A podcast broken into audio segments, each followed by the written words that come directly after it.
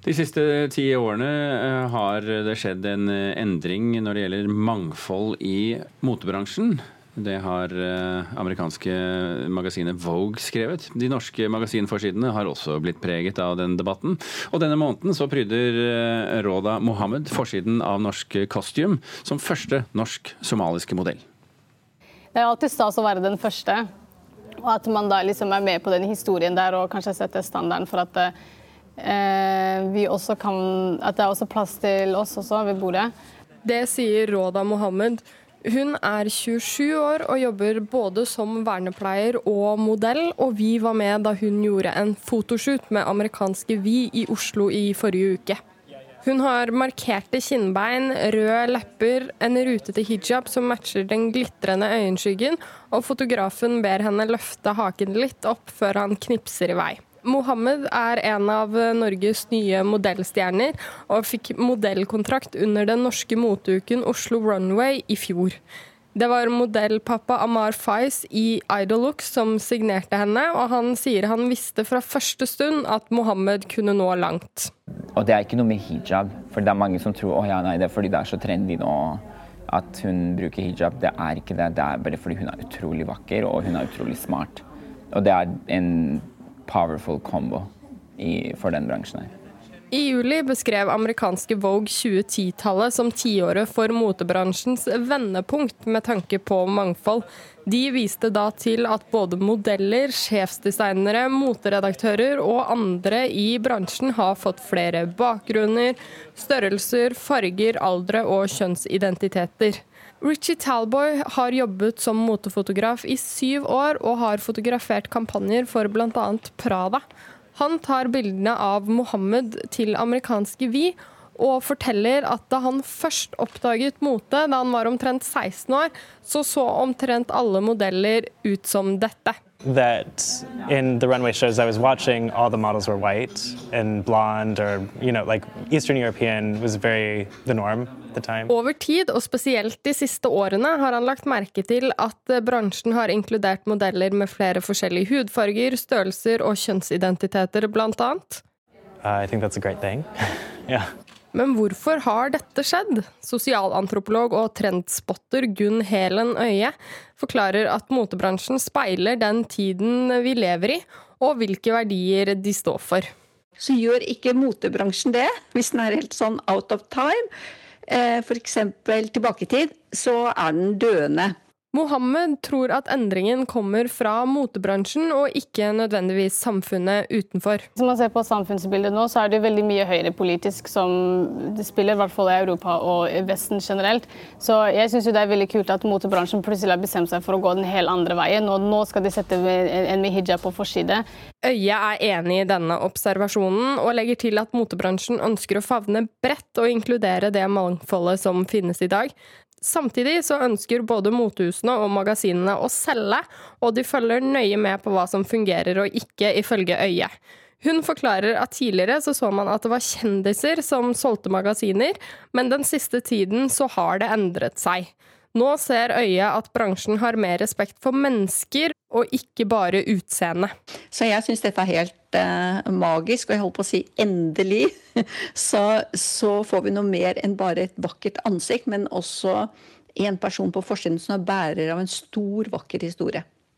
Og Du hørte her Gunn Helen Øye. Og så kan du lese mer og se bilder av Roda Mohammed på nrk.no. Kan være lurt å gå inn på nrk.no kultur, da finner du det lettere. Reportere her det var Maiken Svendsen og Øystein Tronsli Drabløs. Nu är jag plötsligt säker. Lars är Lars. Även om jag sist såg honom tio år gammal. Och jag är säker på att han inte kände igen mig. Jag vet vem du är.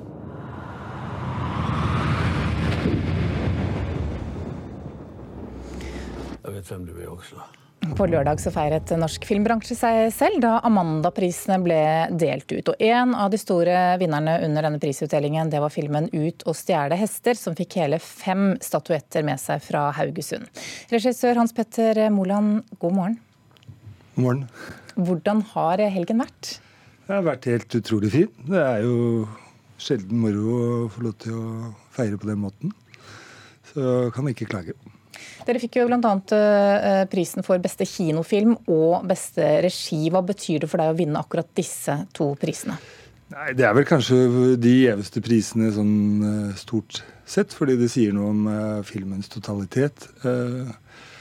og så er jo det at publikum har gått og sett den filmen, og faktisk at det er folk som kjenner igjen den filmen når den får en pris, det syns jeg også er veldig morsomt. Ja, for Dette er jo en bok som mange leste da den eh, kom ut, men eh, for de som ikke har sett filmen, kan du fortelle litt uh, om hva slags film det har blitt? Det er jo en uh, film som kanskje overrasker ved at den har fått så stort publikum. Fordi den er en, uh, det man kaller en kunstnerisk ambisiøs film. Uh, den er ikke noe lettbent underholdning, men den er en fascinerende blikk inn i et menneskes liv, egentlig. Om en mann som ser de skyggene som uh, forhistorien hans uh, kaster inn i, i hans uh, liv som voksen.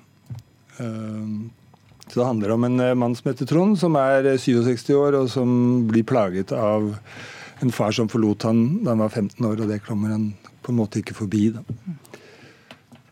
Ja, var, altså, selve boka hadde jo et stort publikum. Du har tidligere sagt at det kanskje ikke er noen god idé å filmatisere gode bøker. Hvorfor ikke? For det første så er denne boken en, eh, det er et sjeldent stykke litteratur. Og, og, det at den har fått et så stort publikum, det tror jeg delvis har med at Per er en fantastisk forfatter. Men det er også et, eh, et univers og en tone i den fortellingen som er utrolig deilig å være i, egentlig, som leser. Eh, og det å klare å gjenskape det, det er det som kanskje er det vanskeligste med noe sånt. Og god litteratur er ikke nødvendigvis det samme som god film. Så noen ganger så skal man bare holde seg unna. Men uh, vi klarte ikke å la være. men, men, Si litt da du, uh, hva du gjorde for å, for, å, for å, løse det. Nei, det er mange som har prøvd før meg å, å få til dette her, og det har uh, av forskjellige årsaker ikke lykkes. Det for min del som ble åpenbart, det var nettopp at den tonen og det universet som er bærende i boken, det at det er en, på en måte en slags fri vandring i hodet til Trond mellom hans nutid som uh, uh, godt voksen og 1948, som er da, da han var 15 år. At det uh, er veldig assosiativt og, og, veldig sånn ubesværlig. Og det å prøve å få til det og kjenne på hvordan hans liv som 67-åring blir smittet av hans barndomsminner, og vice versa. Så jeg har egentlig vært ganske tro til boken. og Eh, tenkte egentlig sånn Hva er det som fascinerte meg med denne boken? Jo, det var det å være i det universet, å være i den stemningen. Så da prøvde jeg å gjøre akkurat det samme, og ikke være mer komplisert enn som så. Og så hadde du med Stellan Skarsgård eh, på laget. Det har du hatt eh, flere ganger. Hvorfor velger du akkurat han? Jeg velger jo først og fremst om det er roller som passer, men når det først er noe som passer, så er det fordi vi For det første så er han helt en utrolig bra skuespiller, og det er det jo andre meg som også har oppdaget. Men så har vi i tillegg eh, Vi er jo blitt gode venner etter hvert og vi kjenner hverandre såpass godt at vi er veldig trygge på hverandre. Og så er han et Han er en som bidrar på en film på en måte som gjør at jeg tror alle føler at uh, de må yte sitt beste. Det gjør han ved å være et, uh, et bra medmenneske, rett og slett. Han er utrolig støttende og sjenerøs med sine medspillere han og jeg vi har det morsomt sammen, og vi utfordrer hverandre og tør å gjøre dumme feil i forsøket på å gjøre noe bedre. Så Ser ut som dere lykkes ganske bra, da, i hvert fall her. Ja, jeg syns vi, vi, i hvert fall det er verdt å forsøke igjen, så det er nok ikke siste gang. Men det å tørre å, å, å ja, rett og slett tørre å strekke seg til ting man ikke har gjort før, det er en del av morsom med å lage film. Da er selvfølgelig oppfølgingsspørsmålet hva er neste prosjekt? Akkurat nå så er det på en måte en tre-fire hester som jeg driver og pisker og ser hvilken som kommer i mål først. Eh, sånn er det ofte med, fordi det er masse penger som skal på plass. Jeg holder på med et forprosjekt på Røde Orm som er basert på Fransens, Fransons, Franssons eh, Nei, Bengtssons roman fra 1940-tallet. Som er stort, en stor vikingodyssé, egentlig. Uh, og det er en både humoristisk og veldig historisk dypt innsiktsfull uh, roman som er utgangspunktet. Uh, Og så har jeg fått uh, et forprosjektpenger til en historie jeg har skrevet selv, som heter 'Skihopperen som ikke ville lande'. Som handler om akkurat det. og hvorfor, da, ikke minst.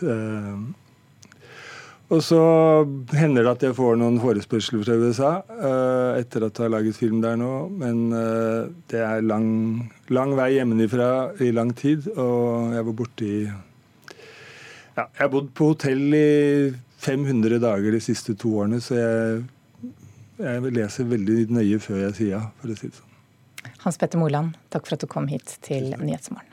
Tusen takk. Vi skal ikke helt uh, slippe skuespilleri som uh, tematikk. Uh, vi skal flytte oss til scenen. her i Norge så er det jo William Shakespeare som er blant navnene som preger denne teaterhøsten. Blant annet så skal Riksteatret i samarbeid med Nationaltheatret ta med seg Romeo og Julie på turné til det ganske land. Og premieren den var i Oslo nå i helgen. Og natt i saligheten jeg... Tre ord, min venn. Ja. Og så god natt for alvor. Hvis du oppriktig elsker meg, ja, det gjør jeg. Og, hvis, og hvis, du vil bli gift med meg, det vil jeg. så gi i morgen et bud. Jeg sender hjem til deg beskjed om hvor og når du vil at vi skal vies. Da legger jeg alt mitt for dine føtter og følger deg, min kjære, gjennom verden. Frøken Julie! Ja, straks. Men er din hensikt ikke ren? Da ber hensikter, ene hensikter. Vi husker dette. Det er balkongscenen i Romeo og Julie. En klassisk scene i, i verdens teaterlitteratur.